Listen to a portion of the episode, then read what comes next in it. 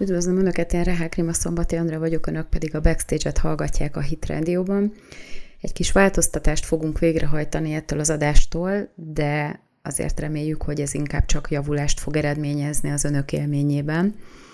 A mai témáim a következők lennének. Kanada lehet a megoldás a németek energia problémáira, vagy legalábbis ezt próbálják elhitetni velünk. Viszont nagyon is csúsznak lefelé az alsóbb néprétegek Németországban is, viszont a politikusok ennek ellenére a közvet, közvetve ezt a lecsúszást okozó zöld energiát erőltetik továbbra is. Aztán hatalomváltás lehet Németországban, vagyis vannak, akik így gondolják, hogy ez következik, és egy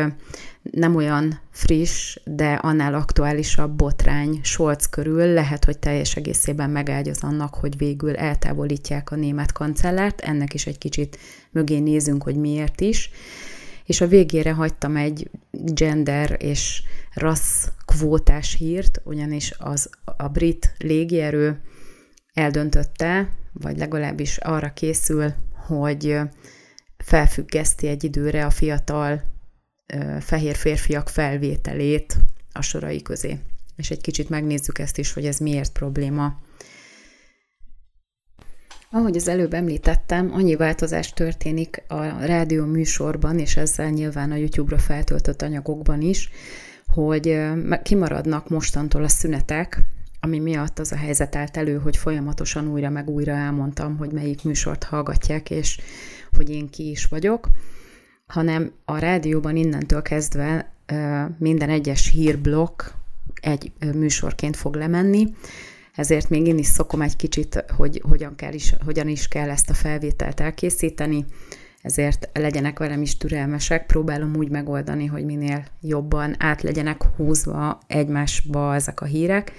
ugyanis nem lesz most már szünet, hanem tehát nem fog olyan élesen elválni egymástól a hírblokkoknak a, a határa, mint eddig. Azt azért el kell, hogy mondjam, mielőtt belevágnék ebbe a hosszabb lélegzetű hírblokkba, hogy a YouTube-on elérhetik ezt a műsort a Hit Radio közélet csatornán, és nagyon valószínű, hogy hamarosan elindul az én YouTube csatornám is, ahol aztán a korábbi műsorokat is meg fogják találni majd teljesen elkülönítve. Addig is iratkozzanak fel a Hit Radio-nak a, a YouTube csatornáira, köztük kiemelten ajánlom az ultrahangot, ami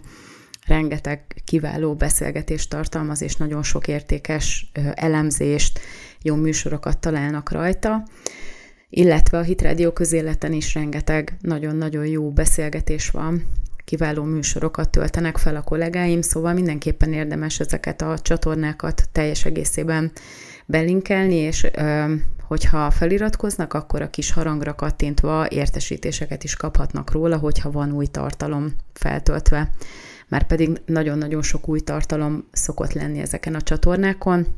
érdemes ezeket folyamatosan böngészni. És hát akkor belevágok az első komolyabb hír, hírblogba,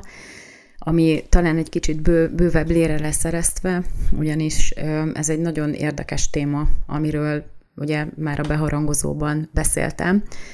ugyanis úgy néz ki, hogy a németek a, kommunikációjuk, a kommunikációjuk alapján Kanadától várják azt, hogy majd megoldódik az energia problémájuk, ugyanis Olaf Scholz ezen a héten, vagyis hát a hétvégén vasárnap késő este megérkezett Kanadába, ahol Justin Trudeau-val állítólag a folyékony ö, cseppfolyós gáz szállításról, illetve ritka fémeknek a, a behozataláról beszél, illetve a zöld hidrogénről. Na és ez majd nagyon úgy tűnik, hogy egy újabb nagy lépést jelent majd Németországnak abban, hogy 2035-re, ahogy a kormányprogram ugyan tartalmazza ezt, sikerüljön teljesen az orosz gáztól függetleníteni a német ipart, meg, meg a német felhasználást. Igazából nagyon úgy tűnik, hogy ez a látogatás ez azért nem erről fog szólni. Ugyanis egy kicsit utána néztem annak, hogy honnan is lehet a leginkább ilyen ritka földfémeket beszerezni, illetve cseppfolyós gázt, és nagyon úgy tűnik nekem, hogy mivel cseppfolyós gázt nem tud szállítani Kanada egyáltalán, ezért emiatt nem mehetett Olaf Scholz, tehát ehhez a kanadaiaknak is óriási infrastruktúrális lépéseket kellene tenni. Megnéztem, hogy például a lítium, ami, mert ugye ezek a ritka földfémek ahhoz is kellenek, hogy akkumulátorokat tudjanak gyártani a németek, ami ugye ahhoz kell, hogy 2035-re ugyancsak elektromossá váljon az összes autó, ami a forgalomban van, tehát ahhoz kell egy csomó akkumulátor, és ahhoz, hogy ezt le tudják gyártani, ahhoz kellenek ezek a ritka földfémek, ezek, tehát a, köztük a lítium, vagy a kobalt, nikkel, és ugye kell hozzá grafit is, már a, a, az akkumulátorgyártáshoz, és úgy néz ki, hogy igazából Svolcnak nem Kanadába kellett volna mennie, hanem Ausztráliába. Mert hogy a lítiummal kapcsolatosan is, a kobalttal kapcsolatban is, nikkel témában is Ausztrália sokkal inkább megfelelő lett volna, ugyanis lítium szempontjából Ausztrália és Chile a két legnagyobb exportőr, Kína itt a harmadik, Kanada itt az első tízben sem szerepel, aztán ugye a kobaltban a világ tartalékának a 70%-a a Kongói Demokratikus Köztársaságban található, aztán Oroszországban, és utána következik újra Ausztrália. Tehát e-, ebből mondjuk tudnának Kanadától vásárolni, mert ugye Kanada a nyolcadik helyen szerepel az első tízben, tehát ez végül is lehet, hogy, hogy indok lehet. Aztán ugye a nikkelnél Kanada a hatodik helyen van, bár Indonézia termeli ki a legtöbbet, és uh, nyilván Oroszország a más, nem is Oroszország a, a harmadik. Grafit szempontjából pedig ugye Kína a világvezető, Kanada a tizedik helyen áll, de ugye azt is figyelni kell, hogy oké, okay, hogy kitermel, tehát például Magyarország is kitermel két millió köbméter gázt itthon, vagy szeretne legalábbis most a bejelentések alapján, de ezt fel is használja. Tehát úgy néz ki, hogy hiába Kanada a tizedik helyen áll a grafit kitermelésben a világon, de majdnem ugyanannyi behozatalra is szorul, mint amennyit egyébként kitermel, mert ugye a saját ipara ugyanúgy felhasználja ezt. Tehát azért árnyalni kell ezeket a dolgokat is, de nagyon érdekes, hogy, hogy igazából szinte semmiben nem tud Kanada segítséget nyújtani Németországnak. Ott van viszont ez az úgynevezett zöld hidrogén. Na most én közgazdász vagyok, nem is értek igazából ezekhez az akkumulátorgyártós dolgokhoz, de egy kicsit kíváncsi lettem, hogy mit is jelent ez a zöld hidrogén, és hogy mit tud igazából ez az egész dolog hozzátenni ehhez a nagy energiaválsághoz, ugyanis arról van bejelentés, hogy Kanada szeretne ö, egy ö, egy ilyen, ilyen, tehát szeretne egy szélerőművet létrehozni Új-Fundlandon, ami ahhoz kell, hogy áramot termeljenek ahhoz, hogy, hogy hidrogén előállító üzemet tudjanak mellé telepíteni, és akkor itt ez a hidrogén előállító üzem, ez már, ez már exportra termelő üzem volna. És ugye egy kicsit ö, annak utána néztem, hogy mi is ez az egész zöld hidrogén téma. Ugye a hidrogént azt ö, igazából elektromos áram segítségével állítják elő ö, vízből, és ö, ehhez az elektromos áramot, tehát ez határozza meg, hogy zöld, kék vagy szürke hidrogénről beszélünk, ugyanis a zöld hidrogén az akkor van, hogyha megújuló energiaforrásokból kinyert árammal állítják elő ezt a hidrogén.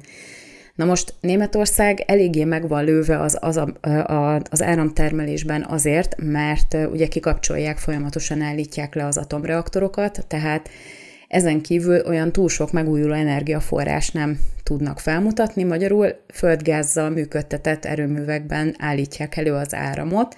illetve nem csak földgázzal, hanem foszilis energiahordozókkal működő erőművekben, ami ahhoz kellene, hogy ez a, ez a hidrogén ez előálljon, és ugye mivel ezt sokkal könnyebb tárolni, mint mondjuk a földgázt, ezért meg hát állítják különböző cikkekben a szakértők, hogy az infrastruktúrát sem kellene különösen nagy átalakításokkal terhelni, hanem egyből lehetne használni a hidrogén a hidrogént arra, hogy mondjuk hőt termeljen, tehát az ipari felhasználása egészen könnyen megoldható lenne minimális infrastruktúrális változásokkal, és hát nyilván sokkal tisztább, meg olcsóbb lenne,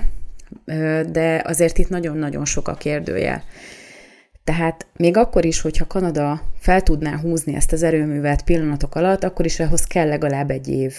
hogy, hogy abból már exportra tudjon termelni, és elméletileg lehet, hogy, hogy akkor Németország lehet az első, aki megvásárolja ezt a hidrogént. Tehát lényegében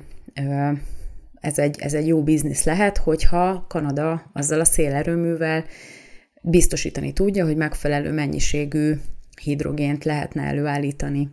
Tehát igazából meg lehetne vele az egyensúlyt teremteni a megújuló energiaforrások meg a foszilis energiahordozók között, úgy, hogy amikor a megújuló energiaforrások visszaesnek, tehát mondjuk nem süt annyit a nap, vagy a szél nem fúj annyit, vagy mit tudom én, akkor a hidrogénnel ki lehetne pótolni, ami igazából sokkal tisztább, tehát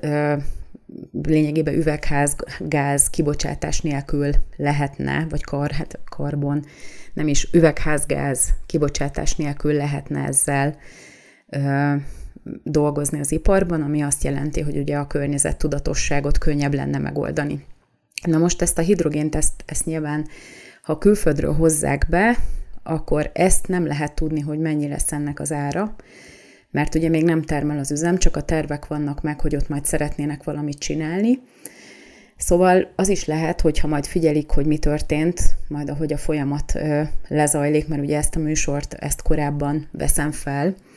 ö, lehet, hogy, hogy ki fog derülni közben, hogy nem is igazából ez az energia kérdés volt az, ami miatt Scholz Kanadába látogatott,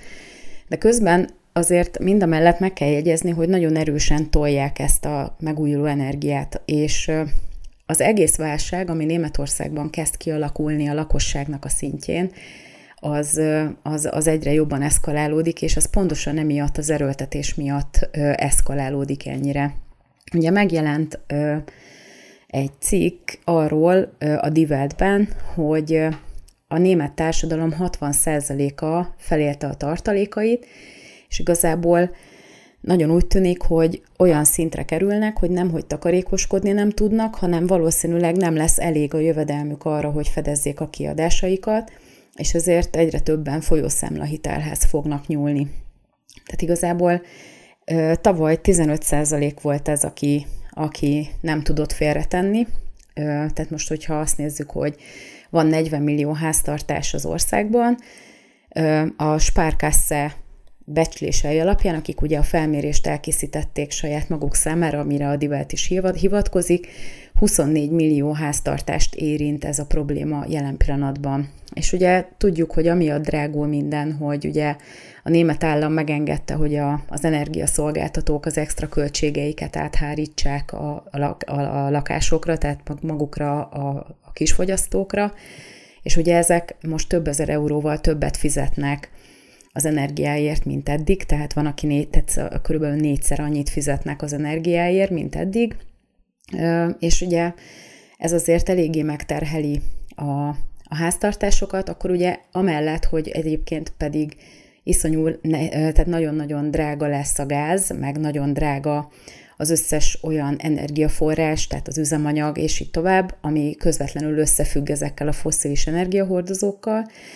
ezért ugye megdrágulnak a termékek is, tehát ez mind a lakosságnál te, ö, csapódik le a legjobban, és igazából hiába próbál Scholz ö, áfát csökkenteni, hogy valamit azért visszaadjon ebből, az a pluszköltség, amit ki kellett, hogy fizessenek a, az energiaszolgáltatóknak az extra költségeiből, az olyan szinten megterhelte őket, hogy most már valószínűleg minden tartalékukat felélték, amit esetleg ugye a bankok azt is nézik, hogy a megtakarítási hajlandóság az vajon változik-e, és hogy nőttek-e vagy csökkentek a, a félretett összegek, amiket megtakarításként a háztartások elhelyeznek a bankokban, és arra jutottak, hogy igazából lehetséges, hogy nagyon-nagyon sok ember elérte a, a nulla pontot, de ettől függetlenül azért a maradék az még mindig nagyon sokat tesz félre. Tehát úgy néz ki, hogy 27, tehát 27 milliárd euróval több megtakarítást könyveltek a bankok, mint tavaly, ez körülbelül 3,3%-os növekedést jelent. Tehát úgy néz ki, hogy a COVID alatt, amit megsporoltak a háztartások, azt most nagyjából felélték, elérték a, a nulla pontot, de aki félre tud tenni, az a bizonytalan helyzet miatt most még sokkal többet tesz félre, mint amennyit eddig. Tehát, hogyha volt a COVID alatt 16 százalék a, a megspórolási kedv, tehát lényegében 16 százalék tett félre többet a társadalomból, ez most lehet, hogy visszamegy a COVID előtti időszaknak a szintjére, ami körülbelül 11 százalék. Tehát ugye a Divelt igen részletesen beszámol erről, hogy, hogy mire is jutottak a, a német bankok. És amiatt viszont, hogy ennyi ember rászorul a folyószámla hitelekre, ezért nagyon valószínű, hogy ugye azért fognak lobbizni a, a politikusok, hogy legyen egy sapka a, a kamaton, ugyanis tudjuk, hogy a folyószámla hitel az ilyen nettó rablás, tehát ezt az ember egyszer felhasználja, és aztán utána csak azért dolgozik, hogy visszatör lesz, visszatör lesz-e,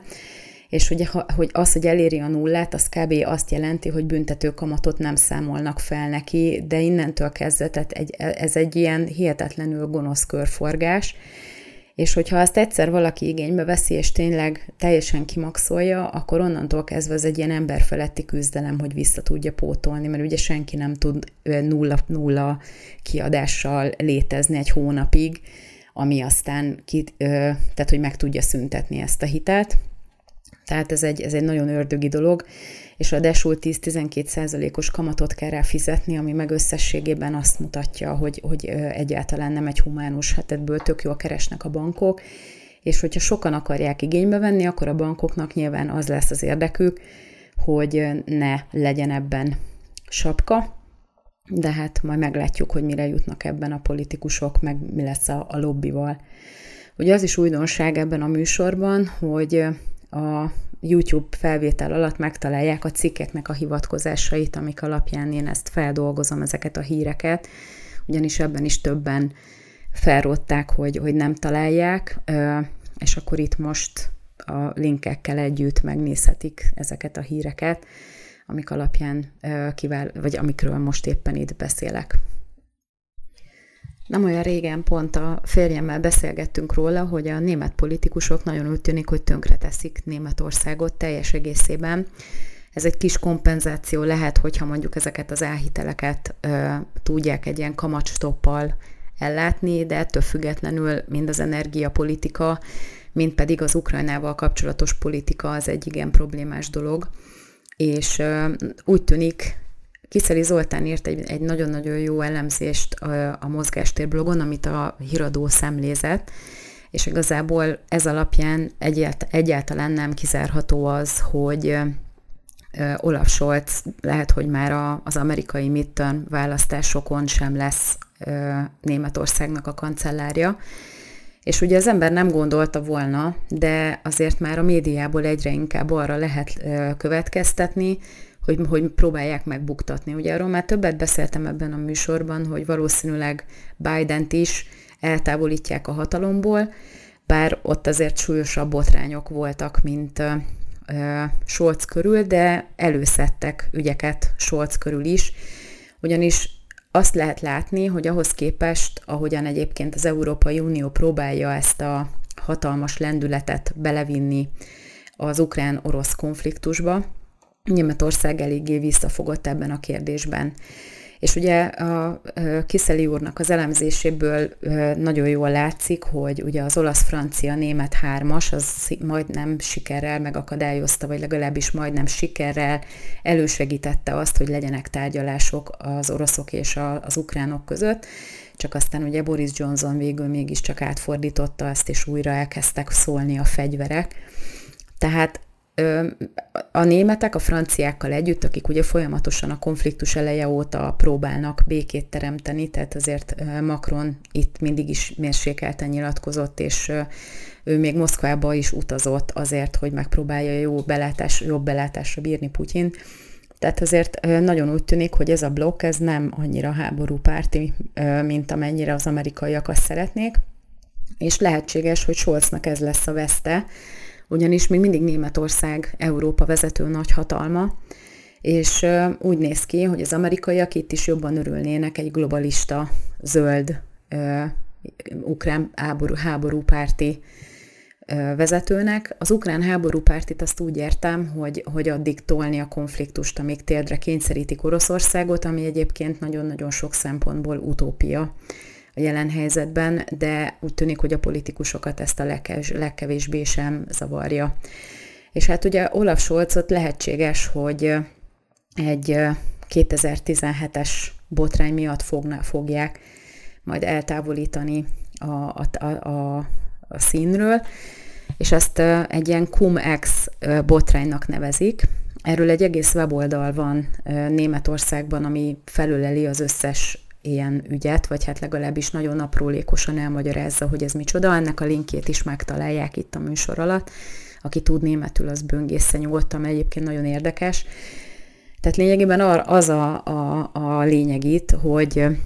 ezek olyan, olyan részvénytranzakciók, ahol igazából az osztalék fizetés körül van egy, egy kis manipuláció. Tehát lényegében az van, hogyha, tehát, hogyha valaki nyereséget generál egy, árfoly, egy osztalékkal nem terhelt részvényel kapcsolatban, akkor azt tőke növekedési adó, tehát ez az a capital gains tax terheli. És hogyha összekeverjük ezeket a dolgokat, mondjuk portfólión belül van olyan, ami osztalékkal terhelt, és van olyan, ami nem, meg ráadásul pontosan akkor adjuk, vesszük, amikor éppen az osztalék fizetés történne azokban a cégekben, akkor nem lehet százszerzelékosan eldönteni, hogy kit terhel, tehát az eladót, vagy a vevőt terheli ez az adó. És igazából emiatt, mivel ugye nehéz volt ezt azonosítani, ezért mindenki visszaigényelte ezt a capital gains tax mondván, hogy egyszer ugye megfizetjük, de aztán vissza is igényeljük, mert hogy nem minket terhelt. És ugye keresztellenőrzések nem feltétlenül vannak a német adóhivatalban sem, tehát nem biztos, hogy ugyanazt a tranzakciót párhuzamosan mind a két félnél leellenőrzik, amikor bemegy a visszaigénylés.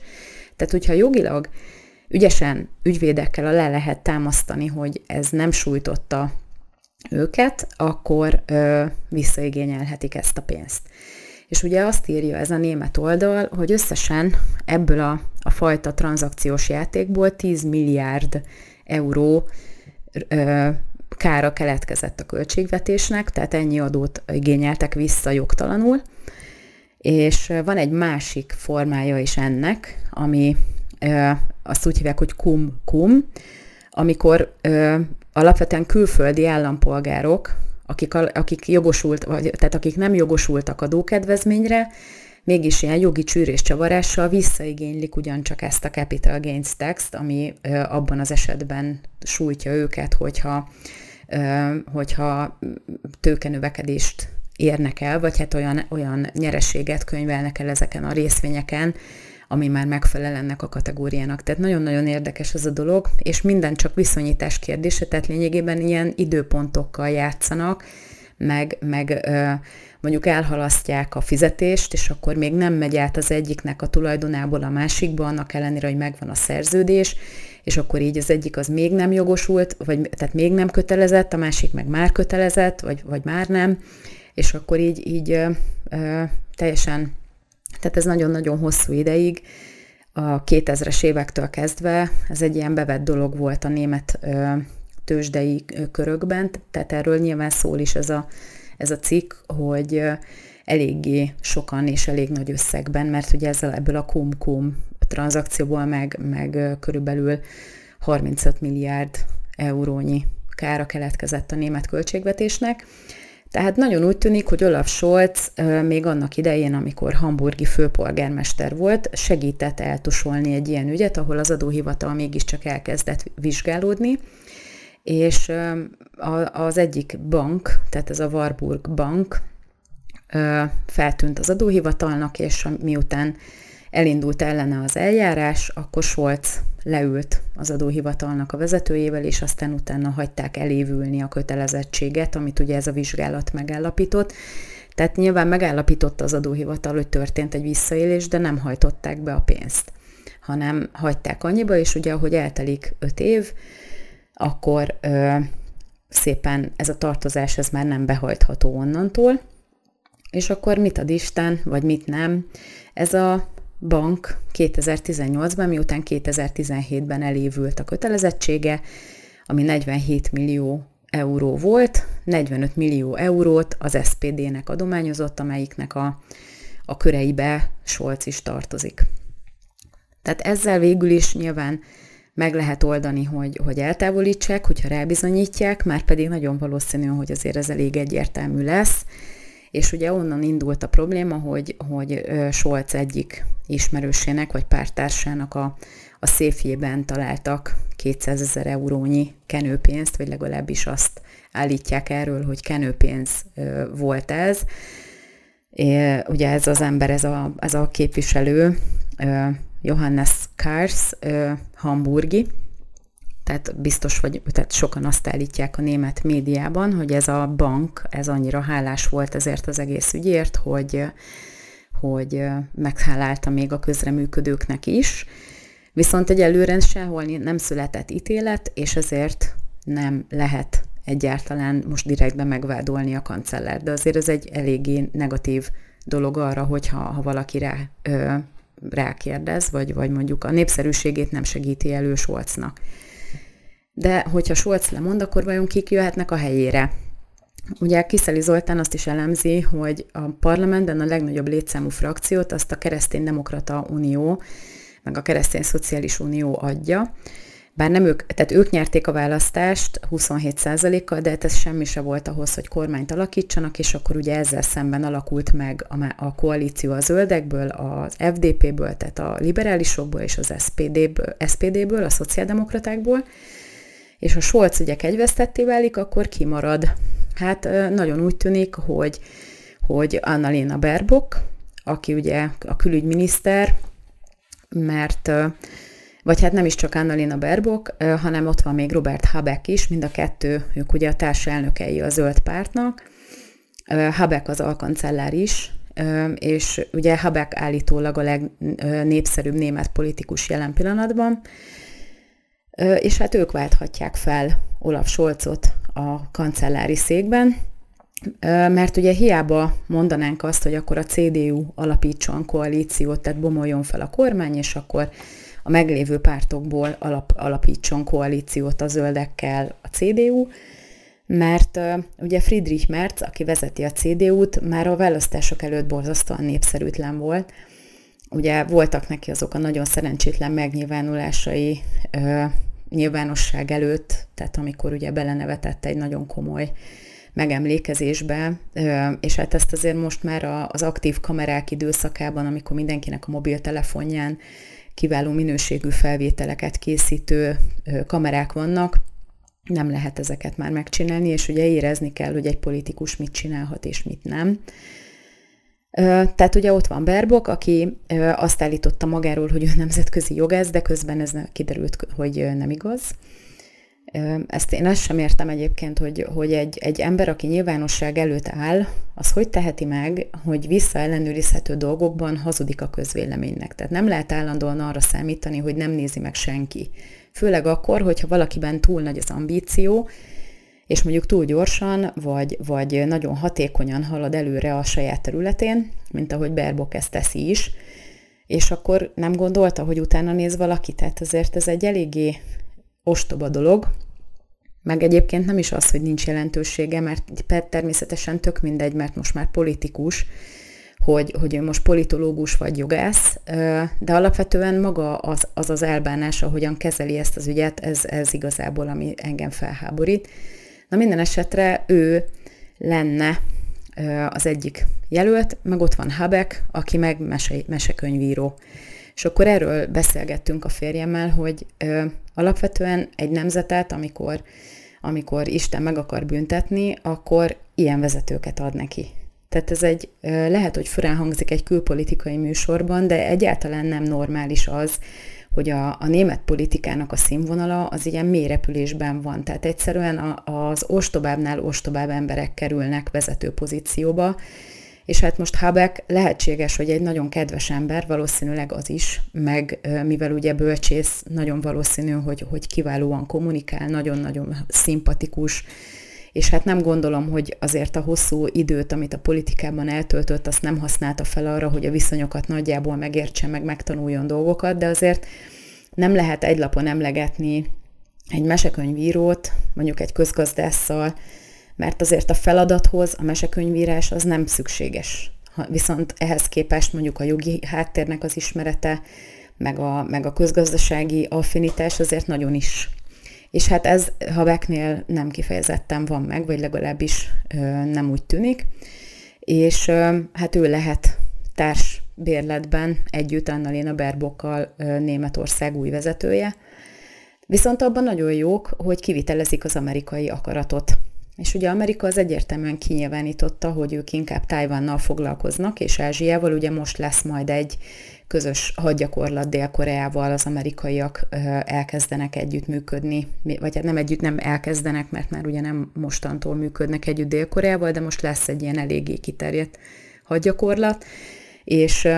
ebből is látszik, hogy, hogy ugye itt is megint fogták magukat, aztán megfordultak, mert igazából őket ez már nem érdekli, viszont ugye mégiscsak a kimenetele az fontos, tehát legyen úgy, hogy akkor Németországban legyen jó kivitelező ember, aki meg ellenkezik, meg aki a másik irányba próbálja húzni a dolgokat, az meg tűnjön el. Annak ellenére, hogy a németek elemi érdeke volna százszerzelékosan kimaradni ebből az egészből. De hát nagyon úgy tűnik, hogy nem fognak tudni kimaradni ebből, és hogyha leváltják Solcot, akkor ez egyáltalán nem lesz Németország számára a fellendülés időszaka. Ugye Scholz sem volt az, de azért mégiscsak valamilyen szinten kívül tudta őket tartani ezen a konfliktuson, mert hogy látjuk, hogy nagyon-nagyon mérsékelten csöpögtetik a fegyvereket is a németek, meg ugye nem szállítják le a körben, tehát az Ukrajnának adott fegyverek helyett a, a körcserés új fegyvereket a, a lengyeleknek, meg a cseheknek, tehát nagyon-nagyon érdekes helyzet kezd kialakulni. Ja, és nem is szólva arról a 9 milliárd euróról, amit nem engedtek át az Európai Unión, mint segélycsomagot Ukrajnába. Szóval nagy kérdés, hogy ősz, az ősz mit hoz. Szerintem az összes szem Németország felé lesz fordítva, mert azért nagyon sokban számít nekünk is, hogy milyen politikai viszonyok uralkodnak Németországban. Egy kicsit még, ha visszatérünk ehhez az amerikai dél-koreai hadgyakorlathoz, akkor a Russia Today szerint arra megy ki az egész most. Ugye hétfőn elindították ezt a hadgyakorlatot, hogy a, ha Észak-Korea esetleg megtámadja Dél-Koreát, ami természetesen egyértelműen valószínű annak alapján, hogy Észak-Korea felajánlotta Oroszországnak, hogy akár létszámmal is segít abban, hogy végre pontot tudjanak tenni ennek az osztrák konfliktus, ö, osztrák-ukrán konfliktusnak a, a végére. Most ugye ebből is egyértelműen látszik, hogy, hogy Amerika teljesen átfordult erre az ázsiai irányra. Tehát nem, nem is nagyon lehet érteni, hogy elkezdenek egy regionális konfliktust, ilyen proxy háborúkat, és aztán magára hagyják a szereplőket, és akkor ott van Olaf Scholz, meg Macron, meg mindenki egy, egy őrült Zelenszkijjel, már bocsánat, hogy ennyire kisarkítom, aki valamiféle ígéret miatt, vagy valamilyen elé lelógatott gumicsont, vagy, vagy mézes madzag miatt nem hajlandó egyáltalán a saját népével foglalkozni, hanem, hanem ö, tovább hajtják ezt a fegyveres konfliktust, annak ellenére, hogy azért eléggé ö, hát ö, nem állnak nyerésre, hogy még, még kicsiben sem. És hogyha a hadseregről beszélünk, mert azért nyilván a beköszönőben arról beszéltem, hogy a, gender kvóta a hadseregekben az egy elég nagyobb problémát kezd jelenteni már, hogy ugye a Royal Air Force, az amerikai, bocsánat, a brit légierő egy projektet hoz létre arra, hogy növeljék a, a színesbőrűeknek a részarányát, illetve a nőknek a részarányát. A The Spectator nevű brit lap az online változatát fizetem elő, és nagyon kiváló elemzéseket lehet olvasni, ez egy konzervatív lap, ennek is a linkjét megtalálják a videó alatt, ennek a cikknek. Azt elemzi, hogy ugye az Air Force ezt csak úgy tudja megtenni, ha nem akarja meg, megsérteni a 2010-es brit esélyegyenlőségi törvényt, hogyha nem diszkriminál, tehát hogyha nem állítja le a, fel, a, a fehér férfiak felvételét, vagy leállítja teljesen, tehát magyarul nem vesz fel senkit, hanem megpróbálja ilyen bátorító reklámokkal, meg mindenféle kampányokkal elérni, hogy, hogy színesbőrűek és nők jelentkezzenek, és ne férfiak, fehér férfiak, mert egyébként ugye a hadseregnek nem megengedett diszkriminálni, hanem csak életkor és alkalmasság szempontjából. Tehát, hogyha fizikailag vagy mentálisan alkalmatlan valaki erre a posztra, amire nagyon szigorú vizsgálatok vannak, mielőtt valakit felvesznek, vagy elindítják a kiképzését, abban az esetben, ha itt alkalmatlan, akkor az esélyegyenlőségi törvény lehetővé teszi, hogy, hogy azt mondja, hogy köszönjük szépen, de nem vesszük fel, és ebben nem is igazán segítenek ilyen Európai Uniós bíróság előtti ügyek sem. Viszont, hogyha azt mondják, hogy nem vesszük fel a fehér férfiakat, hanem csak nőket és, és színesbőrűeket, vagy más rasszhoz tartozó embereket, akkor ezzel egyértelműen direktben megsértik ezt az esélyegyenlőségi törvényt. Viszont úgy tűnik, hogy az, az, az, az irányt választják, hogy leállítják a felvételt, ami viszont nagyon nagy mértékben aláássa a hatékonyságukat. Most azt nem tudom, hogy az európai hadseregeknek a, az ütőképessége az vajon összehasonlítva másokkal milyen, ezt inkább a katonai szakértők fogják majd elmondani, akár az ultrahangon, vagy más hitrediós műsorokban, de azért az egyértelmű, hogyha mondjuk azt nézzük, hogy egy pilótának a kiképzési ideje sok esetben akár tíz év is lehet, tehát azért az nem egy ilyen öt perces dolog, hogy akkor valakinek odaadnak egy több millió dolláros értékű eszközt, hanem azért azt nagyon-nagyon megnézik, hogy oda kitültetnek be, vagy kiülhet be. És pontosan ezért hatalmas, óriási ostobaság ez a kvóta, mert hogyha most nem vehetnek fel csak nőket, meg színes bőrűeket, akkor, akkor ö, valószínűleg nem fognak tudni túl sok embert fölvenni, ö, ö, és ha, ha addig nem vesznek fel fehérbőrű férfiakat, akkor az utánpótlás az nem lesz megoldott. Tehát ugye itt az a lényeg, hogy folyamatosan folyjon a kiképzés, hogy mindig újabb és újabb emberek kerüljenek ki, akik aztán azokat, akik az igen-igen alacsony nyugdíjkorhatár miatt ugye kikerülnek a szolgálatból, azokat lehessen pótolni. Ugye aki pilóta, az ö, azért nem olyan igénybevételnek van kitéve, mint ha valaki irodában dolgozik, tehát ezt mindenki tudja, hogy azért fizikailag is és mentálisan is borzasztóan egy terhelésnek vannak kitéve ezek az emberek, és ugye teljesen nyilván függ attól is, hogy milyen gépeken repülnek, de azért mindenki jelentős mértékben óriási stressznek van kitéve fizikailag és mentálisan is, és azért ezt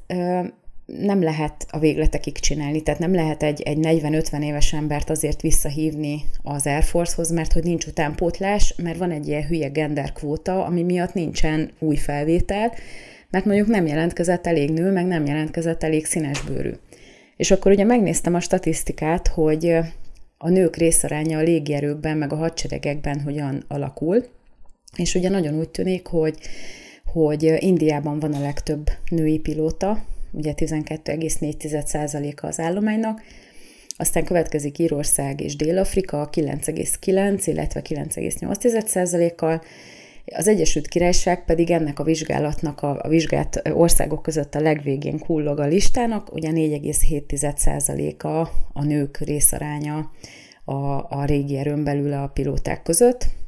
És ugye azon gondolkoztam pont, hogy, hogy ugye mindig visszatérünk ahhoz, hogy ki mármint a nők és a férfiak közül melyik nem mire alkalmas. Ugye a nők azok alapvetően alkatilag nem annyira alkalmasak arra, hogy, hogy repülőgépeket vezessenek, vagy, vagy ilyen ráadásul harci repülőgépeket, vagy felderítő repülőgépeket, hanem inkább, és ahogy ugye vizsgáltam a, a nők részarányának, meg a nők részvételének a, az alakulását a különböző hadseregekben egyértelmű volt, hogy ez korábban senki se gondolta, hogy ez kérdés lesz, hogy a nőket be kell levenni, vagy hogy egyáltalán. Sőt, a legtöbb helyen tilos volt még a, a 60-as, 70-es években nőket a hadseregben alkalmazni. Ugye van egy, hát a német hadseregnek is van egy weboldala, amin ugye ezt a fejlődést taglalja, hogy hogyan alakult a nők részaránya a hadseregen belül, és hát ez igazából, hogy, hogy úgy mondjam, azért mind szépen fokozatosan történt. Úgy néz ki, hogy 1985-ben még csak 117-en voltak, és most, 2000, és hát nem most, hanem 2018 decemberében, amikor az utolsó adatot láthatjuk ezen a weboldalon, 21.931 nő szolgál a német hadseregben. Ezek nyilván nem pilóták, hanem mindenféle, tehát akár orvosként, vagy, vagy ö, ö, bármilyen más pozícióban. Viszont az is nagyon érdekes, hogy a német hadseregnek a létszáma is kb. Hát kevesebb, mint a fele annak, amennyi volt, amikor ezt ugye 1985-ben először megvizsgálták, és hát ez is aggályos kicsit hogy, hogy egyre csökkennek ezek a létszámok, tehát hogyha Európa védelmét nézzük. De ez a genderkvóta, ez egyébként is egy, egy ostobaság, főleg a hadseregben, mert hogyha most az irodai munkánál írnak elő genderkvótát, akkor lehet, hogy igazából a férfiaknak kellene a létszámát valami, valamilyen minimumba meghatározni, mert ott sokkal több nő van. Itt meg a férfiak az egyébként, hogyha tényleg nagyon még, még a feminizmust is úgymond félretesszük, tehát hogy ezért be kell, hogy valljuk, hogy, hogy nem alkalmasak a nők legnagyobb részben alkatilag arra, hogy ilyen pozíciókba kerüljenek, vagy, vagy pilóták legyenek, és természetesen ez a 4,4 ami a brit légierőben megvan, ez nagyjából megfelel szerintem ennek az egészséges aránynak, ami a nők között megtalálható, hogy, hogy azért a nők ekkora százaléka szerintem alkalmas lehet arra, hogy ilyen jellegű dolgokban kipróbálja magát, mert egyértelműen nem lehet kizárni, hogy a nők között is van alkalmas ember, ezt azért nyilván el kell, hogy mondjam, és ez nem polkorrektség, hanem egyszerűen vannak olyan nők, akik azért alkalmasak ilyenre, de nem a, nem a többség. És az, hogy, nyit, hogy megnyitják ezeket a posztokat mindenki számára, az egyébként abban fog kicsúcsosodni, hogy tényleg alkalmatlanok lesznek. Mert hiába jelentkezik, hogyha mentálisan és fizikailag nem tudja teljesíteni azt a szintet, ami el van várva, az életveszély, hogy azt lejjebb vigyék, csak azért, hogy nők kerülhessenek be, és hogyha tovább erőltetik ezt a kvótát, akkor lehet, hogy ez lesz a vége. Viszont azért ott van egyrészt a több millió dolláros vagy font értékű felszerelés, amit használnak, másrészt meg, hogyha tényleg háborús konfliktusokban kell helytállni, akkor azért itt ilyen tized másodperceken múlhat, hogy életben maradnak-e vagy nem. Tehát ez nem babra megy. És csak azért, hogy elmondhassuk, hogy van 10% nő, azért, azért nem kell kockára tenni az egész rendszernek a működését, mint aminek most nagyjából a tanúi lehetünk a brit légierő esetében. És ugye azért Indiánál meg lehet nézni, hogy, hogy mondjuk vannak 1,4 milliárdan jelen pillanatban körülbelül, plusz-minusz pár millió, nem most csak viccelek, tehát 1,4 milliárd stabilan megvan India lakossága, és ebből az aktív hadsereg 14 millió ember. Na most, hogyha ebben megnézzük, hogy a nőknek a részaránya mennyi, az egészen belül 0,59 százalék. De hogy kb. mondjuk kerekítsük fel 1 százalékra. Tehát összességében ez egy egészséges százalék, mert hogy kb. ennyi nőnek van igénye ilyen dolgokra, és ennyien alkalmasak rá fizikailag és mentálisan is. Tehát én nem gondolom, hogy a nők nagy része egyébként katona akar lenni, viszont most jelen pillanatban a jogszabályok ezt lehetővé teszik, és ugye a németeknél egyértelműen látszik, hogy, hogy ott minden nyitva van a nők számára. Ugye mindenféle perek voltak már az utóbbi időben, tehát így a, a, az előző századnak a, az utolsó évtizedeiben, amely azért történt, vagy amelyek azért történtek, mert ugye nőket kizártak a szolgálatból, és akkor felülvizsgálta a bíróság ezeket a szabályokat, ami egyébként önmagában nem kellene, hogy problémát okozzon, mert nyilván aki szeretne, az menjen és legyen katona. De az, hogy előírják, hogy, hogy muszáj növelni a részarányokat, az, az egy őrület, mert hogyha nem jelentkeznek egyébként maguktól, akkor az azt jelenti, hogy ezek után, tehát valószínűleg affinitásuk nem lesz több,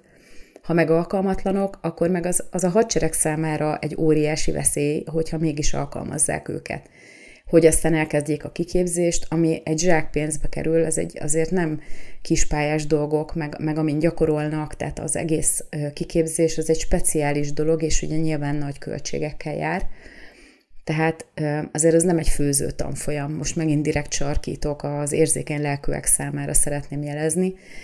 és ennek ellenére mégiscsak erőltetik ezt. Tehát nem tudom, hogy, hogy ez vajon kinek lesz jó, vagy miért, de az a helyzet, hogy most jelen pillanatban ez a módi. És a németeknél is teljes egészében látszik, hogy egy ilyen identitászavart okoz a, a hadseregben. És ugye az volt az oka a legelején, hogy nem engedtek nőket szolgálni, legalábbis a múlt században a világháborúk után a, azzal a felkiáltással tiltották meg a nőknek a szolgálatot, hogy ugye folyamatosan megerőszakolják őket. És hát az a helyzet, hogy hogy azért az egy más lelkiállapot, amikor egy férfi harcol. Tehát még a, ezekben az idióta amerikai háborús filmekben is lehet látni, hogy egyszerűen átkapcsolnak ebbe az üzemmódba ö, olyan koncentráció meg minden, és akkor ott van egy nő, most nyilván nem a, a, a közösségbe beépült egyébként tök, tök alkalmas emberekre gondolunk, hanem mondjuk, hogyha tömegeket írunk elő, és akkor oda mennek olyanok is, akik kevésbé, tehát az egy, az egy, egy, egy ilyen ösztönüzemmódban működő férfinél az egy túlság, az egy fölösleges kísértés, hogy ott van egy nő. Ez most megint teljesen sarkítva van, mert ugye ez egy hülye kifogás, hogyha most azt nézzük, hogy ezért ezek a nők ugyanúgy végigcsinálják a kiképzést, de ettől függetlenül benne van a pakliban sajnos. És ezért azt is lehet látni pontosan az amerikai filmekből, hogy ezért nagyon sokszor a nőket negatívan diszkriminálják. Tehát ez pont olyan, mint, mint mondjuk, mit tudom én, egy termelőüzembe be, coming out-olni melegként. Tehát azt onnantól kezdve lehet, hogy egyébként törvényileg megengedett, de szét fogják szedni az emberek, akik egyébként tök máshogy gondolkoznak. És hát azért a férfiaknak is megvan sokszor a véleményük róla, hogy a nő miért kerül be a hadseregbe, vagy mit akar ott. És ugye nagyon-nagyon sokat kell teljesíteni ahhoz, hogy, hogy mondjuk tiszteletet tudjon kivívni magának. Tehát ez egy fölösleges dolog, csak azért, hogy elmondhassuk, hogy, hogy legyen mondjuk 10% nő, hogy, hogy egy ilyennek kitesszük őket, és aztán utána lejjebb engedjük a standardet azért, hogy tudjuk teljesíteni a saját magunk által kialakított idióta kvótákat. Én nagyon köszönöm, hogy velem tartottak, még gyakoroljuk majd ezt az új felállást, egyébként pedig, hogyha lemaradtak volna a műsorról, akkor a Hit Radio ezt az adást szerdán délután három órakor megismétli, a YouTube-on pedig elérhető lesz, ez még a régi helyen egyelőre, de aztán, ha indul az új csatorna, akkor az új csatornán is. És hát nagyon köszönöm, hogy, hogy meghallgattak. Hír az lesz nagy valószínűséggel a jövő hétre is, és hát ha minden jól megy, akkor újra találkozunk. Remélhetőleg nem egy hét múlva, hanem egy kicsit sűrűbben már az új csatornán. Addig is vigyázzanak magukra. Én a mai estére elbúcsúzom, és további jó rádiózást, és minden jót kívánok a viszonthallásra.